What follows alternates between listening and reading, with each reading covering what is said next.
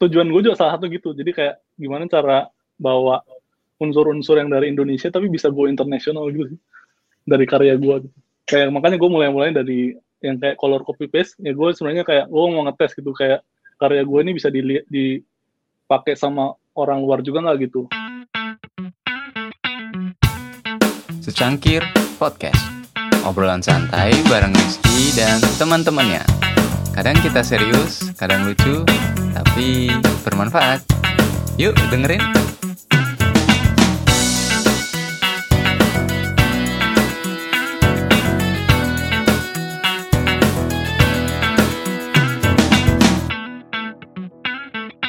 Cek, cek, cek, cek, cek.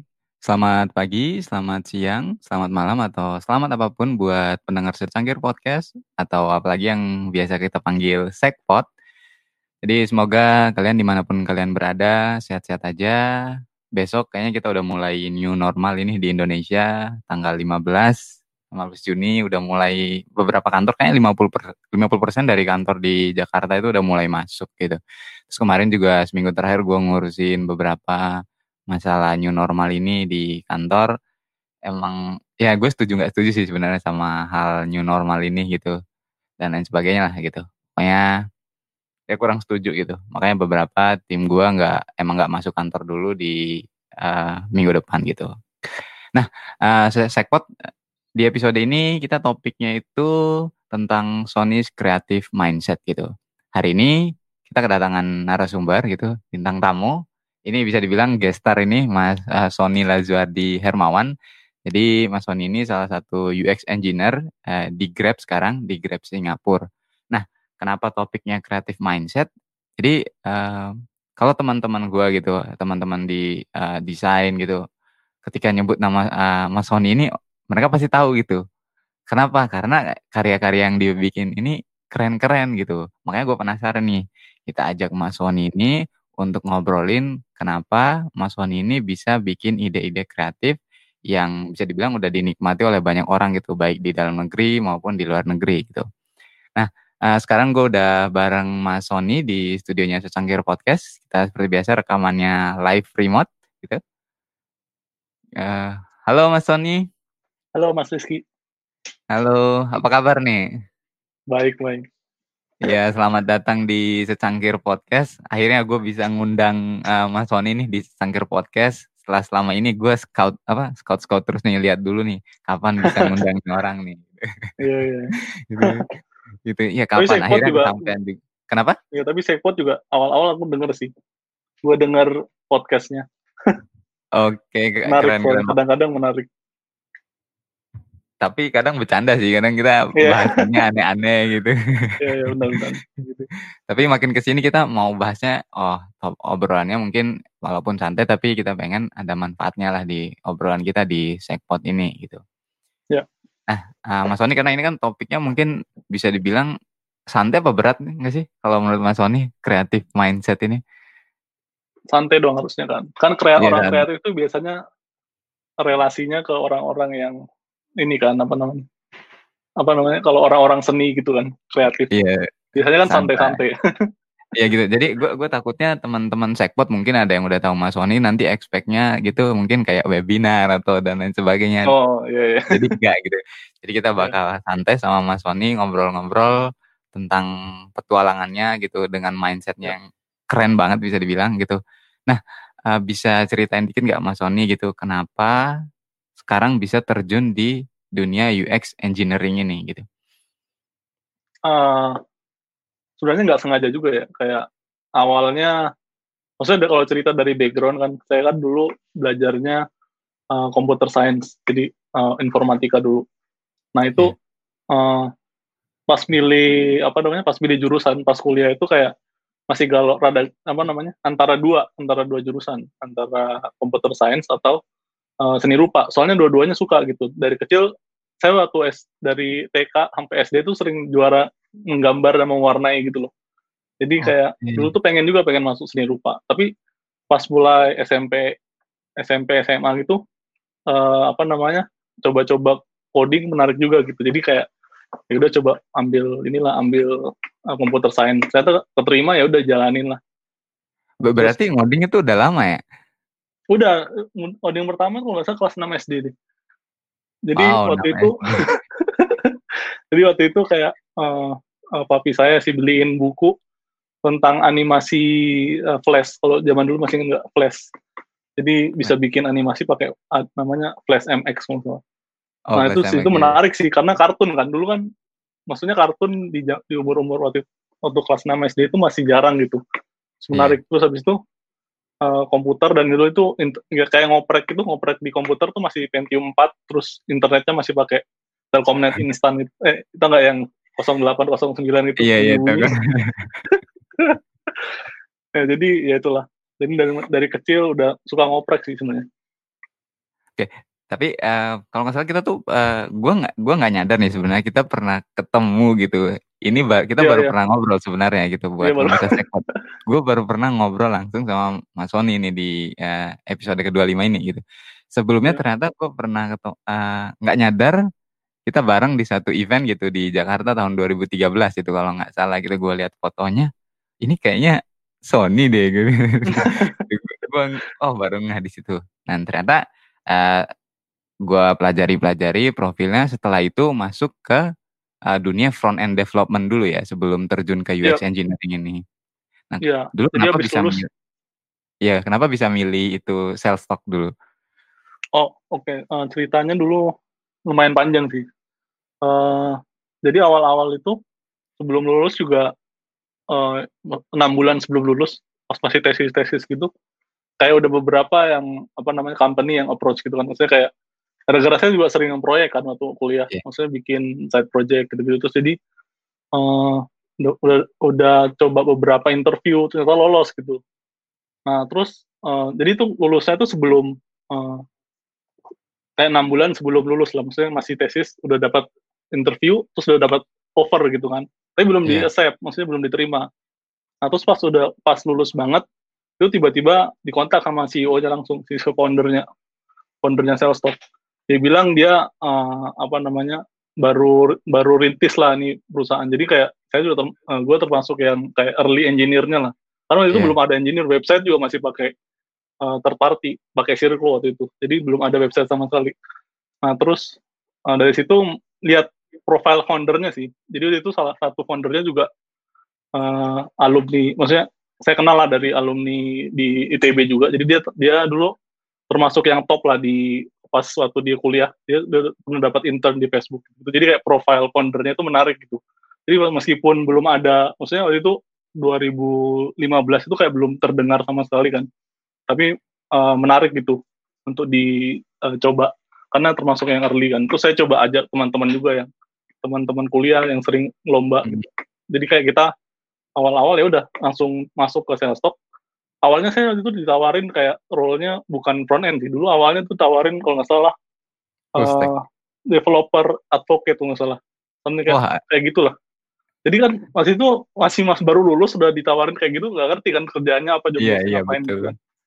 Nah tapi ya akhirnya setelah uh, uh, beberapa lama kerja di situ kayak udah oh lebih saya fokusnya ke sini karena emang lagi butuh gitu front end maksudnya mas, baru baru baru bangun websitenya kan jadi saya ya udah daripada developer advocate ya udah ini aja deh front, front end. end ya nah. jadi dari situ mulai mendalami lah dunia front end bahkan dulu pas awal-awal okay. awal uh, apa namanya kan itu waktu itu React baru baru ini kan baru booming kan. yeah. Dulu awalnya saya biasanya proyek kan pakai Angular gitu. Jadi kayak React sama sekali baru baru belajar gitu pas kerja. Ya Angular dulu Ionic kan baru-baru kan dulu. Ionic kan. iya. iya nah, uh, gimana Mas Sony ketika terjun bisa dibilang tadi foundernya orang ya keren lah gitu kan. Nah, yep. Iya. gimana caranya overcome ke ketika kerja dengan orang-orang keren seperti itu gitu. Otomatis ini kan baru kelar kuliah kan, gitu. Yeah, iya, Pengalaman yeah. belum banyak lah gitu. Nah, gimana nge-overcome hal-hal kayak gitu tuh ketika mulai kerja dengan self dulu? Dulu pas Salesforce tuh lumayan unik ya soalnya kayak kita uh, kayak kayaknya waktu awal tuh langsung kerja remote gitu pak jadi kita nggak pernah ke kantor sama sekali dan di Bandung itu karena kan itu tuh abis lulus di Bandung kan uh, yeah. karena di Bandung nggak ada kantor jadi ya udah kita remote terus karena karena mulai ber, bertambah banyak uh, orang yang kerja di Bandung. Jadi kita ya udah kita sewa itu dulu, sewa apa namanya uh, co-working space gitu gitulah. Hmm. Nah, uh, jadi kayak interaksi kita waktu itu awal-awal banyak kan online sih. Jadi lewat uh, remote pakai Slack. Jadi ya uh, apa namanya? Yang yang penting sih harus percaya sama harus ya harus uh, reguler apa namanya report uh, progress kita sampai di mana gitu sih. Oke, menarik. Oke, gue gue nggak bakal bahas uh, banyak mungkin tentang itu. Nah, tapi yep. ini ada transisi uh, pekerjaan. Ini bisa dibilang mayor lah gitu. Dari front end yep, yep. ke user experience kan gitu. Dari sales talk ini yep. pindah ke UX engineer gitu. Yep. Nah, kenapa bisa memutuskan buat pindah haluan ini? Ya, itu random juga sih. ya kebetulan ya kebetulan sempat ngobrol juga kan gara-gara saya juga sering banyak bikin uh, open source di GitHub gitu kan jadi yeah. ada kalau nggak salah salah satu uh, namanya Mas Yudi kalau salah dia dulu alumni juga alumni ITB terus dia bikin uh, dia sempat kerja juga di di Grab itu uh, terus kan ternyata itu tahun 2017 baru baru mulai jadi tim UX engineer tuh itu masih bertiga atau berempat itu baru mulai gitu terus lagi hiring terus habis itu lihat uh, apa namanya kerjaannya kayak menarik soalnya kan saya juga baru belajar kayak di Salesforce pakai React Native, React, terus ternyata uh, tech stacknya sama gitu. Cuma ya bedanya ya dia nggak ngerjain untuk production app dia buat prototype gitu. Waktu okay. itu kepikirannya oh harusnya sih lebih menarik ya soalnya kan lebih banyak eksperimen gitu kan. Nah, yeah, yeah. Terus uh, apa namanya? Ya dari situ coba-coba aja sih sebenarnya awalnya. Awalnya juga ragu karena pas gitu, udah masuk terjun itu kayak masih belum jelas job desk harus ngapain gitu. Kita harus masih yeah. mencari-cari gitu. Karena itu baru kan dulu, itu hal ya, baru. baru 2017. Iya. Kayak kayaknya belum ada kayak role itu di Southeast Asia malah 2017. Ya. Oke, tapi kalau komunitas sendiri udah mulai aktif dari kapan sih kalau UX engineer ini? Kalau di Southeast Asia itu kalau boleh tahu? kayaknya baru 2018 2019 tuh udah mulai ada sih beberapa company unicorn juga udah mulai bikin. Soalnya kayak role ini nggak nggak semua company butuh gitu. Kayak kalau startup yang baru mulai uh, mereka ya fokus bikin produknya kan. Kalau UX engineer kan lebih fokus buat experience. Jadi gimana caranya kita polish experience buat user uh, semudah mungkin gitu jadi okay. kayak nggak semua company butuh sebenarnya Nah, Kak, kalau di kerjaan sekarang ngurusin biasanya kan eh, di kerjaan kan eh, ngurusin modul apa dan lain sebagainya.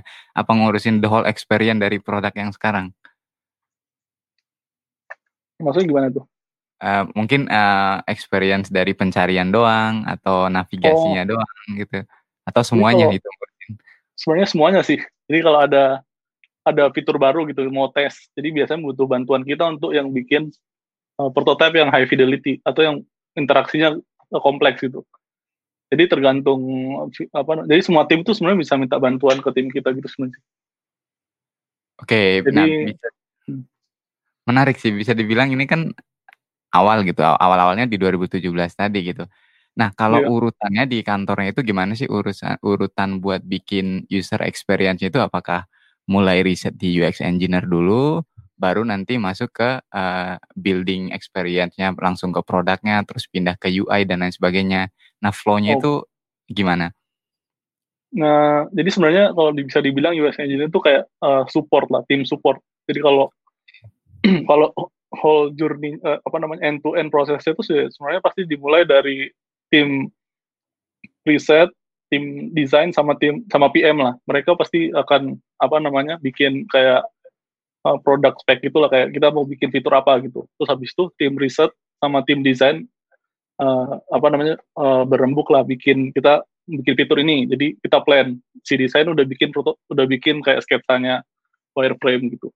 Nah kalau misalnya si desain tim desain ini udah bisa bikin uh, prototipenya, maksudnya nggak nggak kompleks kompleks kan biasanya kalau yang low fidelity ya udah berarti mereka nggak butuh bantuan kita. Jadi ya udah langsung skip. Tapi kalau beberapa fitur yang butuh uh, interaksi yang tinggi, nah itu pasti butuh bantuan kita, nah baru kita ambil. Jadi sebenarnya si UX engineer itu kayak support sih. Uh, Terus ya abis itu uh, kalau udah jadi prototipenya kita tes. Testingnya biasanya kan kalau usability testing biasanya invite lima orang interview lima orang terus yeah. coba sama prototype kita gitu-gitu.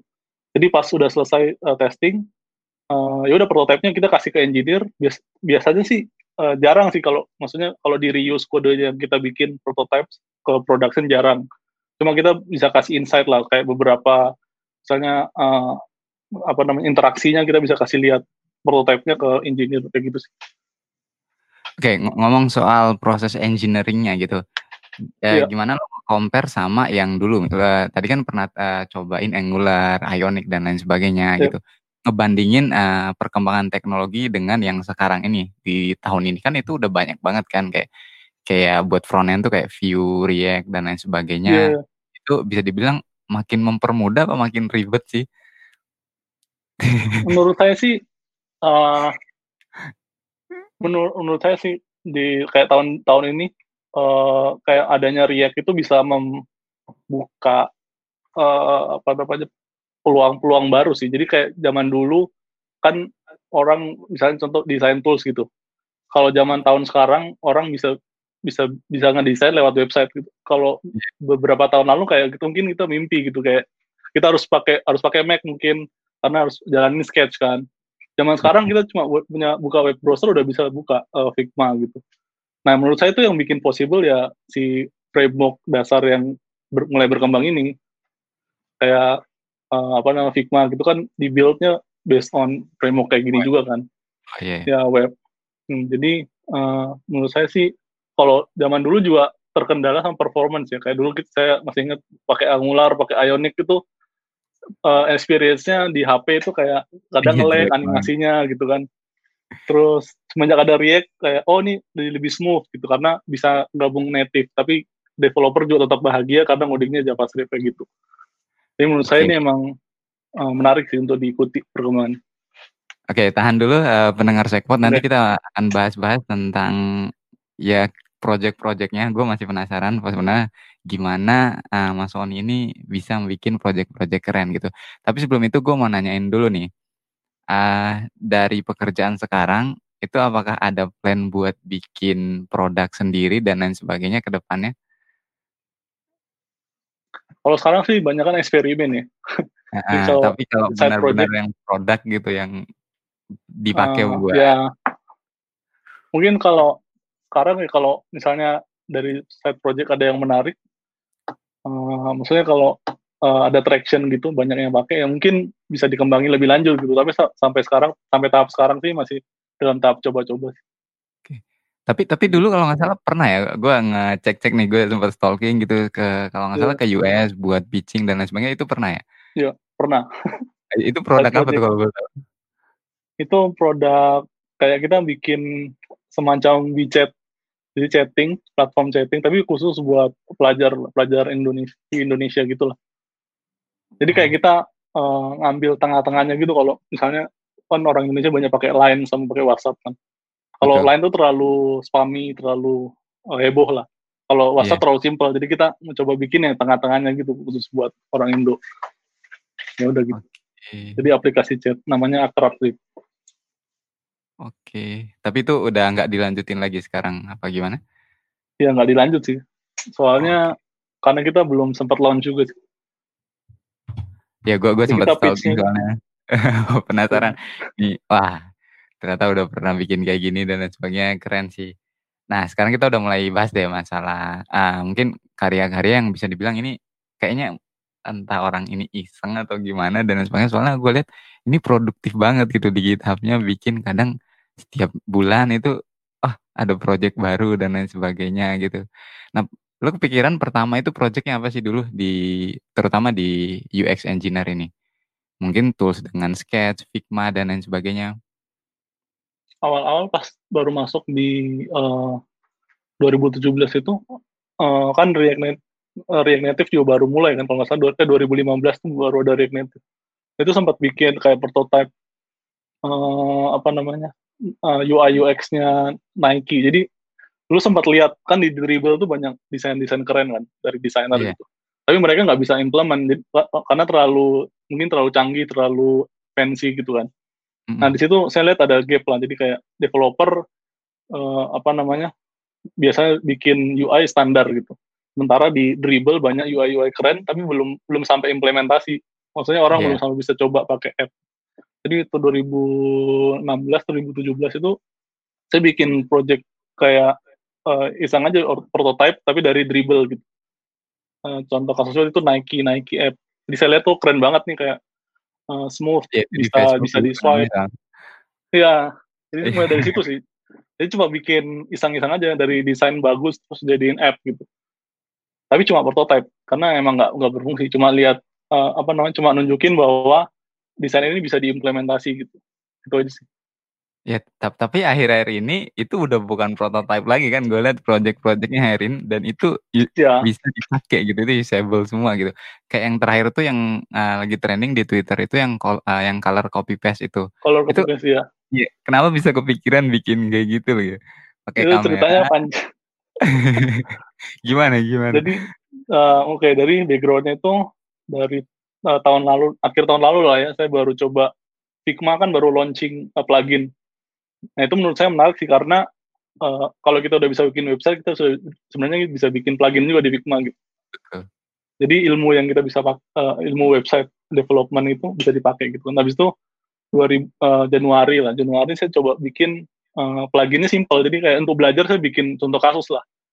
Di Twitter hmm. tuh saya sering lihat uh, animasi uh, apa namanya gambar bergerak. Jadi kalau nggak kalau teman-teman tahu namanya Mas Pinot maksudnya dia bikin animasi kartun maksudnya bikin stop motion lah mm-hmm. nah dari situ saya kepikiran kan kenapa di kayak di Figma itu nggak ada uh, apa namanya uh, tools maksudnya nggak bisa langsung bikin animasi itu dari gambar-gambar yang ada di Figma jadi saya udah bikin saya iseng aja bikin gitu di weekend kan mm-hmm. bikin plugin yang ngambil gambar dari uh, di gambar-gambar dari Figma itu langsung dibikin sprite animation jadi bisa bergerak langsung gambarnya. Nah itu kan saya waktu itu bikin flipbook. Iya, yeah, terus uh, dari plugin satu launching uh, uh, apa namanya, terus pertengahan Maret tuh misalnya ada yang viral tuh si uh, aplikasinya salah satu desainer Google si apa namanya Cyril masalah dia bikin copy paste copy paste tapi dari AR jadi oh. kita tinggal apa namanya tunjuk misalnya gambar objek di dunia nyata kita uh, apa capture terus kita bisa langsung uh, paste di komputer gitu. Menurut saya interaksinya apa namanya keren banget sih. Maksudnya uh, karena dia bisa langsung ambil objek dari benda nyata terus masukin ke digital gitu kan langsung tanpa lewat perantara nah terus saya kepikiran ya ini sebenarnya menarik sih. Cuma kelemahannya ini karena dia belum maksudnya sekarang aplikasinya masih belum publik kan. Harus mm -hmm. uh, install sendiri di GitHub gitu. Saya kepikiran gimana kalau uh, konsepnya sama jadi ng ngambil uh, objek dari benda nyata dimasukin ke digital gitu nah okay. terus saya kepikiran karena um, di pas awal-awal uh, circuit breaker PSBB di Singapura itu kan kayak tiap weekend nggak ada kerjaan saya kayak uh, biar apa namanya lebih banyak waktu lah di rumah yeah. jadi saya sempat beli-beli lah beli-beli si lampu uh, lampu yang bisa warna-warni gitu RGB uh, yeah. namanya lampu e-light. Nah, saya kepikiran itu uh, apa namanya bisa nggak ya gue copy warna dari saya ngambil dari HP warna langsung dipaste ke uh, lampu itu. Jadi misalnya itu uh, ngambil warna hijau dari uh, tanaman hias, terus langsung paste ke lampu, lampu jadi hijau juga. Jadi kan biasa kalau di aplikasi harus pilih manual kan. Nah, kalau gini bikinnya otomatis, jadi copy paste atau ke lampu. Nah, terus dari situ uh, pengen uh, kembangin lagi kan. Kan nggak semua orang punya lampu ini kan maksudnya uh, iya betul. terus habis itu yaudah gimana kalau uh, pastanya langsung ke desain tool saja jadi masukin ke color palette gitu-gitu. Ya akhirnya jadilah itu color copy paste. Iya dan itu trending gila itu. Orang-orang di mana-mana udah pakai itu udah tahu itu dan itu diapresiasi banyak orang itu keren banget. Nah yang bikin gue penasaran gimana lu bisa ngolah ide-ide kayak gitu tuh mas? Itu. Jadi uh, proses ketika lu ngebikin uh, sesuatu itu gimana biasanya? Apakah lu ya punya frameworknya sendiri ngebikin hal kayak gitu atau hmm. ada something gitu. Biasanya orang ini orang makan apa sih bisa sampai kayak gitu dan sebagainya. Orang-orang kan kadang ngomong kayak gitu kan. ya intinya harus latihan lah. Maksudnya kayak saya bikin plugin ini juga awalnya karena pernah bikin flipbook gitu kan. Mm -mm jadi kayak udah pernah uh, udah dapat gambaran lah kayak oh ini bikin plugin tuh gini gitu. Jadi kadang-kadang tinggal copy paste aja kok oh, oh, apa namanya kodenya gitu. Cuma yang biasa yang susah itu ya idenya maksudnya ya ide kadang-kadang ide kita juga nggak nggak semua orang itu kan terima. Tapi ya kalau saya, kalau prinsip saya sih ya buat aja gitu. Selama itu masih positif dan berguna buat orang lain ya bikin aja gitu nah proses lu bikin idenya itu gimana tuh? Bikin apa bikin gitu ATM amati tiru modifikasi atau ada hal lain gitu? Iya itu sih uh, apa namanya ATM itu apa? Amati tiru modifikasi. Uh -uh. jadi kayak tadi kan saya bilang kayak AR copy paste saya nggak bisa bikin maksudnya mereka dia udah bikin uh, uh, produk sendiri kan. Tapi yang hmm. saya bisa apa? Saya bisa uh, bikin plugin di Figma terus yang yeah. saya bisa bikin prototype di Framer gitu nah saya bisa bikin prototype ya misalnya pakai kamera terus ngambil warna saya bisa lah karena itu cuma pakai web teknologi kan sebentar kalau AR saya nggak bisa gitu jadi yang yeah. saya yang saya bisa terus di mencoba untuk meniru sesuatu yang udah ada gitu. Iya iya menarik ya. Tapi nah gimana kalau uh, lu selalu nyelesain project nggak sih atau udah banyak hal-hal yang gagal gitu pasti adalah gitu produk-produk yang ya. Gagal nggak sempat lu publish dan lain sebagainya gitu. Kalau di, eh, dibandingin uh, produk-produk gagal dengan yang udah rilis itu lebih banyak uh, produk gagal apa yang udah rilis? Banyak yang gagal.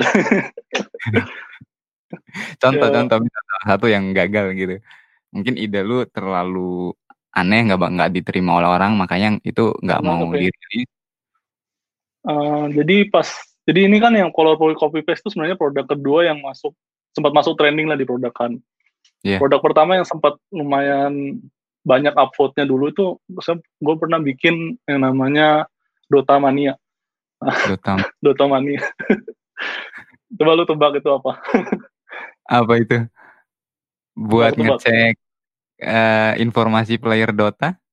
Salah. sebenarnya itu gue plesetin dari uh, Dota. Sebenarnya gue plesetin Dota itu sebenarnya data gitu, data mania. Jadi intinya oh. adalah produk itu okay. untuk nge-scrape website, tapi visual. Oh. Jadi uh, lu misalnya masukin website, uh, misalnya apa namanya uh, The Hacker News kan tampilan jelek kan. Yeah, Lalu betul. bisa masukin link Hacker News, ke uh, tools itu namanya Dota Mania. Nanti dia bak lo bisa tentuin misalnya lo mau ngambil title-nya doang. Terus secara visual kayak main map gitu. Oke. Okay. Masukin websitenya uh, news uh, news.y combinator terus masukin ngambil title sama ngambil link gitu. Terus nanti dia otomatis jadiin JSON. Tapi lo bisa lihat uh, apa namanya uh, mind mapnya secara visual gitu. Kalau mau nge-scrap kayak gitu. Nah itu sempat trending kalau nggak salah. Tapi dia uh, jadi gue bikin itu karena dapat ide mau ikut hackathon online si React namanya React Riot nggak salah tahun 2018 tuh ya. Nah, uh, jadi di situ lumayan banyak di produkan bingung kan kayak ya udah gue publish aja gitu kan.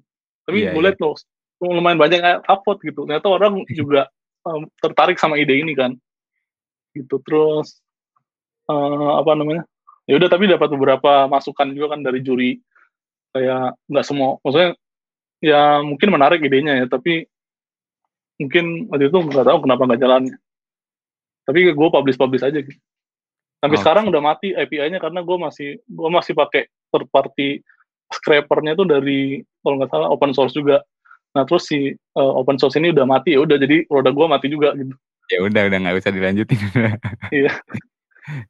Ya, tapi, tapi kalau yang yang yang gagal ya nggak sama sekali lu publish ada nggak gitu. Dan lu sempat kepikiran nih ide ini gitu kan. Tapi ini ah nggak cocok nih kalau gue publish ke orang-orang gitu. Ada nggak?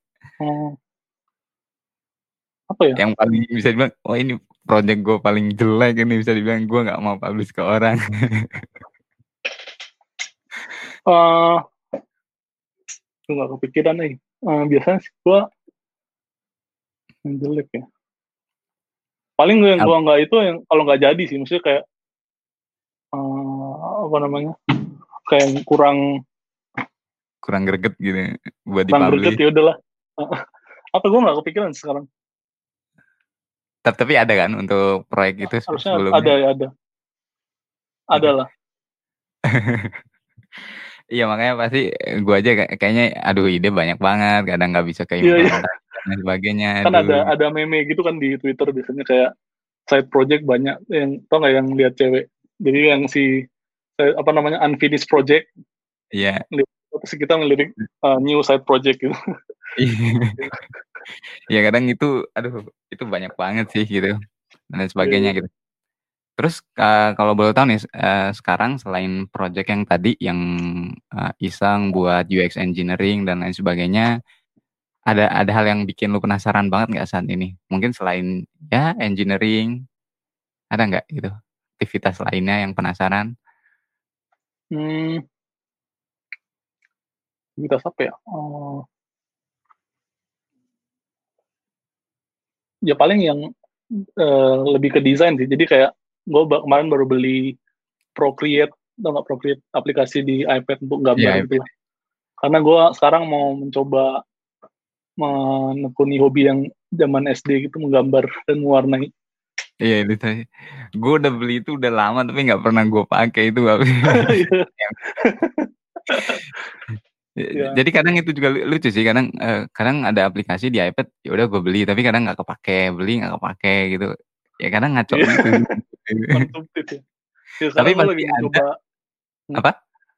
gue sekarang lagi mencoba apa ya eh, eh, memanfaatkan apa yang udah gue punya yang gue udah itulah yang gue udah beli lah kayak Iya. Procreate gitu gitu sih. baru mulai sih Berarti nanti ke ke depannya bakal coba iseng-iseng bikin ilustrasi gitu. iya ya mungkin Oke. Nah kayaknya gue terus punya mungkin ide. lama-lama juga dapat ini kan insight kayak se- seniman kayak artis itu sebenarnya butuhnya apa sih dari kan sekarang sen- eh, artis sudah mulai bergeser kan dari yang manual ke digital gitu masuk ke Procreate kayak menurut saya banyak eh, insight menarik sih kayak salah satu yang saya ikutin artis si Galsir tuh nggak jadi dia bikin tools Pose. eh, untuk untuk bikin pose ani- eh, pose orang gitu terus dia jual toolsnya terus lumayan laku gitu menurut saya Ya menarik sih. baru mau ngomong itu tadi dia jual 25 dolar itu.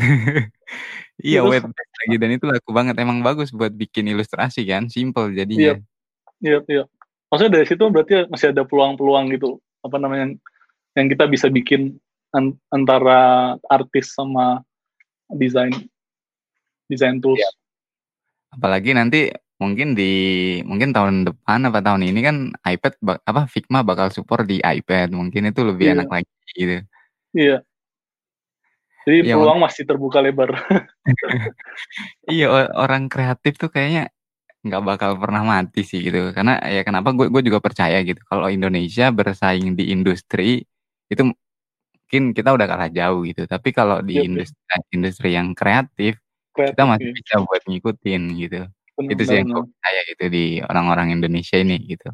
Iya, iya. Contohnya kayak lagu gitu kan kayak atau nggak lagu yang lagi populer tuh si uh, Lati. Lati itu nggak? Iya, dia kan ngabung unsur musik Indonesia tapi bisa go internasional. Gitu. Menurut, Iya. menurut gue keren deh. Iya menarik banget itu jadinya gitu.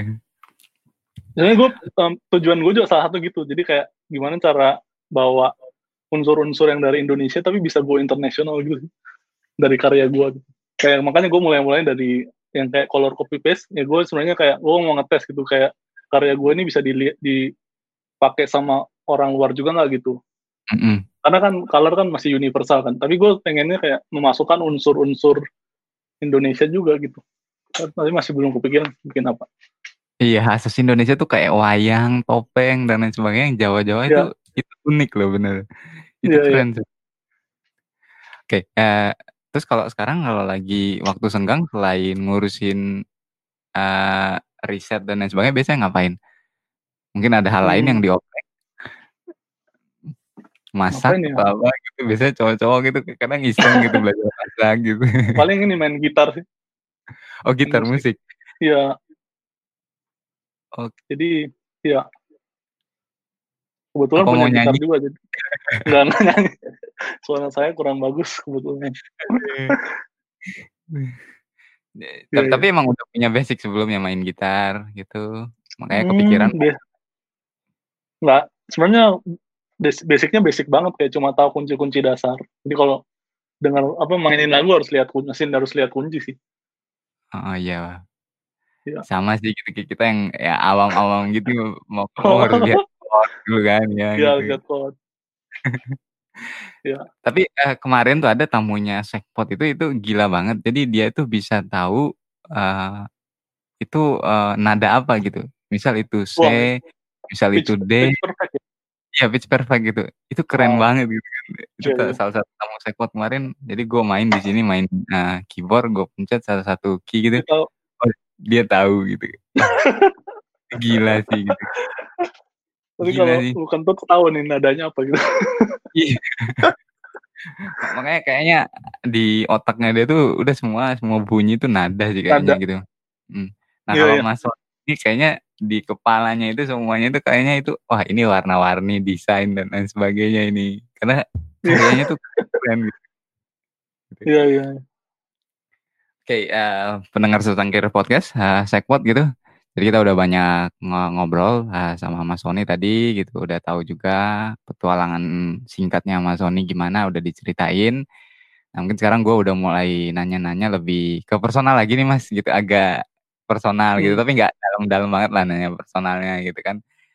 Simpel aja. Misal, eee, yang pertama tuh yang mungkin ini Mas Sony bisa share ke teman-teman Sekpot gitu, apa yang udah dipelajari selama ini dari dirinya sendiri gitu.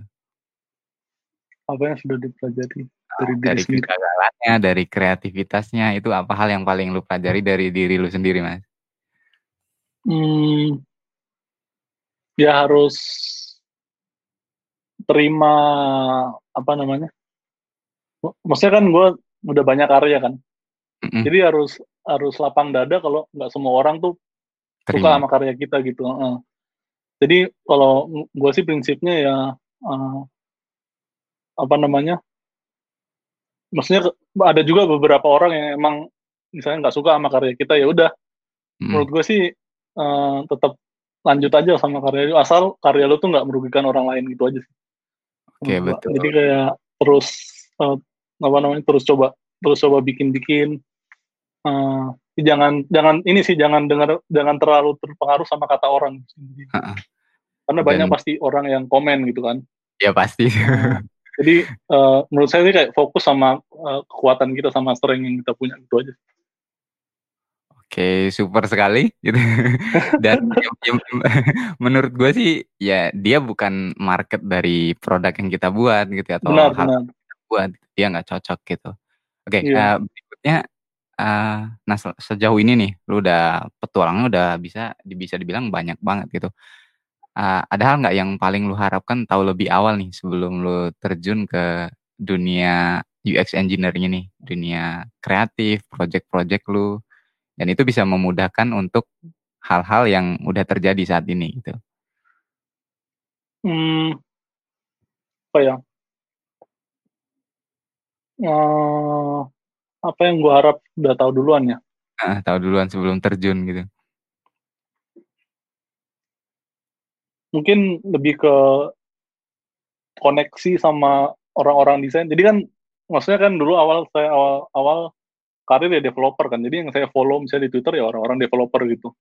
Harusnya Iya. mungkin kalau sebelum saya terjun di UX, harusnya saya dari awal udah follow orang-orang yang emang udah lama di bidang UX gitu. Jadi, eee, nggak terlambat. Maksudnya kayak, eee, mulai dari apa, baru akhir-akhir ini kan saya bikin karya di untuk bidang UX kan.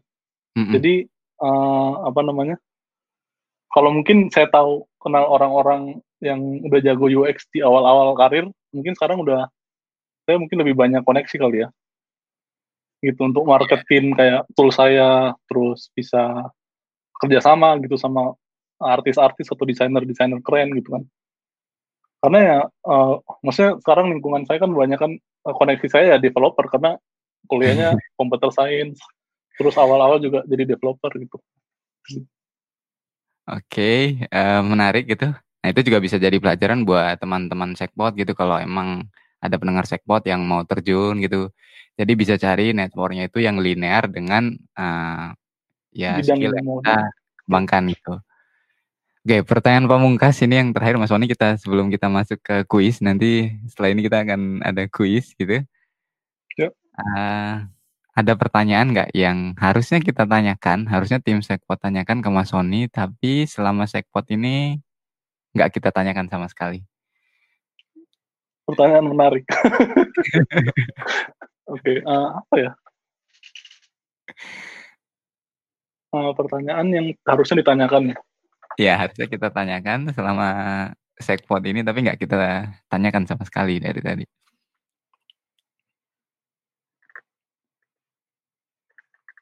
Apa ya? Uh, Gak kepikiran nih. ya. Selalu Anda nggak sendiri gitu. Jadi banyak yang bingung gue mau nanya apa dan lain sebagainya gitu dan sebagainya. Tapi coba aja gitu. Mungkin ada gitu sesuatu nggak harus tentang kerjaan dan lain sebagainya. Intinya itu harus kita tanyakan aja lah gitu. Ya mungkin kenapa uh, kenapa kayak gue harus uh, apa namanya promosiin produk gue di produk hunt gitu misalnya contohnya. Oke gitu, silahkan dijawab. Oke. uh, jawabannya adalah uh, apa ya? Maksudnya gue juga kalau sebagai apa namanya ada teman-teman gue juga yang nanya gitu, kenapa lu kayak jadi budak platform gitu? Uh -uh. lu kayak kayak apa namanya harus pamer-pamer karya lu di misalnya di produkan gitu kan jadi dia dia sebutnya kayak budak platform gitu kan oke menarik terus ya gue jawabnya uh, ya tiap orang sih punya punya apa namanya uh, punya kesenangan sendiri ya maksudnya kayak gue publish karya gue di uh, produkan ya karena yang apa namanya gue lihat memang platformnya menarik karena uh, apa namanya banyak banyak creator atau uh, atau ya uh, builder yang bikin produknya di situ terus banyak dapat uh, support gitu. Iya. Yeah. Nah mungkin kayak kayak Mas Riksi juga bikin Go Creator kan. Mungkin nanti ke depannya juga bisa bisa jadi keren kayak gitu lah. Iya. Yeah. Aduh. Iya sih, jadi mungkin lewat platform itu ya udah kita bisa satu suara dan lain sebagainya, yeah. satu network, jadi bisa dapat feedback, bisa dapat insight yeah. juga kan dari hal-hal kayak gitu, platform kayak gitu gitu. Iya. Ya menarik banget gitu. Oke, sebelum kayaknya pertanyaan udah habis, paling kita udah masuk ke kuis Mas. Pertanyaannya kadang konyol ini, jadi siap-siap aja gitu. gitu. Mas Sony udah siap? Apa mau minum dulu? Gue haus ya, agak haus.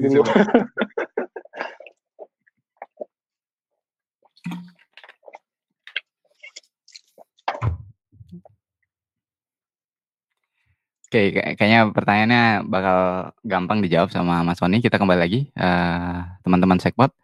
Di quiz Sangkir Podcast, biasanya kita nanyakan tiga pertanyaan ke narasumber kita. Kita masuk ke pertanyaan pertama. Mas Sony, uh, ada orang, dia nggak tahu nggak tahu warna lah, nggak tahu warna gitu. Bisa dibilang dia mungkin ya. nggak bisa, sorry, uh, buta warna gitu.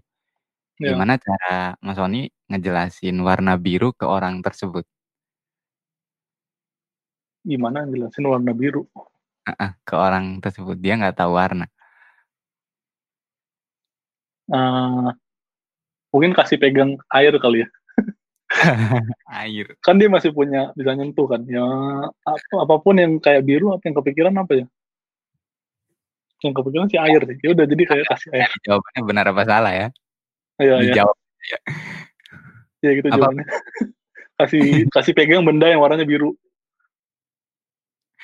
Oke, kasih kasih ben, kasih pegang benda yang warnanya biru. Iya. Kalau itu bendanya keras gimana dong? Apa kayak keras itu kan dikasih pegang kan ke orang itu kan? Iya, iya. Kalau misal kita kasih pegang bendanya itu keras, apa keras itu menandakan kalau itu tuh biru? Uh, yang enggak sih, tapi minimal sebagai orang yang bisa lihat warna bisa kasih tahu kalau ini tuh orang-orang menganggapnya ini warnanya biru gitu. Karena kan dia nggak bisa lihat warna kan. Jadi yang yang yang gue kepikiran sih kasih dia yang maksudnya indera dia yang masih bisa dicoba ya indera misalnya sentuh menyentuh. Atau enggak uh, apa ya? Gue nggak kepikiran lain sih. Iya emang aneh-aneh sih kadang-kadang ada ada yang pegang cewek Oh, lah dan aneh-aneh jawaban tamu eh, secangkir podcast ini. Tapi ya udah kita nggak nyari jawaban benar apa salah. Tapi kalau jujur kita pengen ketika jawab ketika ditanya itu narasumbernya jawab, oh secangkir podcast gitu karena warnanya biru gitu. Oh. Oke, oke. Eh, Ini warnanya biru atau Tosca sih? Oh iya, ini, ini orang-orang warna, ya. Eh, lu orang kedua yang nyebut ini Tosca gitu. Ada satu cewek yang nyebut oh ini Tosca gitu. Ya bisa dibilang ini biru lah gitu basicnya kan gitu. Ya, biru enggak, hijau enggak, tengah-tengah. Iya agak susah juga di warnanya. Oke, eh, pertanyaan kedua Mas Sony gitu. Eh, lu lagi di laut nih, lagi di laut. Apa yang lu rasakan ketika lagi di laut? Tenang. Tenang. Gue lanjut ke pertanyaan ketiga. Lu tenang di Hmm. laut, terus tiba-tiba eh, lu ngeliat ke atas ada burung. Apa yang lu pikirkan? Tadi Nanti rasakan kena apa tai burung kan? Takut kena menghindar, menghindar. Eh, oke, jadi lu menghindar dari situ gitu. Menjauh Dari- dari burungnya lah. Oke, gitu. Siap, gitu. Ki- Kita nggak tetap kita nggak nyari jawaban yang benar gitu Iya, iya. dari hal tersebut. Udah cukup pertanyaannya. Pokoknya nanti kita bakal ngasih reward ke Mas Sony berupa kaos secangkir podcast sama cangkir Wih, mantap. karena udah jawab tiga pertanyaan kita. Nah, Mas Sony terakhir nih, em, sebelum kita tutup eh, podcast kita hari ini, mungkin ada pesan saran buat teman-teman secangkir podcast gitu. Mungkin mereka mau terjun ke dunia UX engineering atau dunia kreatif. Saran buat mereka dari Mas Sony gimana? Kami persilakan. Saran sih jangan uh, takut berkarya ya, mas. Yang tadi saya sudah sam- sampaikan. kan. Jadi kayak uh, asal karya kita positif, terus uh, bisa apa namanya, apa bisa menginspirasi orang lain ya publish aja menurut gue sih. Karena uh, sebenarnya kayak orang orang-orang in- misalnya kayak khususnya orang Indonesia kan sebenarnya kreatif kreatif kan. Cuma Mm. kayak yang kurang tuh adalah gimana cara kita um, uh, mempromosikan apa yang kita udah bikin. Sebenarnya itu skill yang butuh juga sih. Kayak gimana Oke. cara kita men- uh, menyampaikan pendapat, men- mempromosikan produk kita itu menurut gue salah satu skill yang penting. Oke, menarik. dipelajari. ya. Oke, semoga pesan dari Mas Sony tadi bermanfaat buat teman-teman secangkir podcast. Baik, eh, Mas Sony, thank you banget udah mampir di episode ke-25 ini. Eh, obrolan kita keren banget hari ini, seru banget. Dan semoga banyak manfaatnya buat pen- pendengar-pendengar secangkir podcast di mana pun kalian berada gitu. Amin. Dan pokoknya stay eh, stay terus di secangkir podcast. Kalau kalian ada ide seperti biasa, kalian tinggal mention saja di Instagram atau langsung komen di Apple Podcastnya Cangkir Podcast. Dan itu aja mungkin untuk episode ke-25 ini, Sony's Creative Mindset. Ter- Terima kasih Mas Sony dan terima kasih Cangkir Podcast. Bye! Terima kasih sudah mendengarkan Secangkir Podcast. Jangan lupa favorit kita di Anchor.fm dan berikan review di Apple Podcast. Dan follow kita di Spotify juga. Sampai jumpa di episode berikutnya. Bye!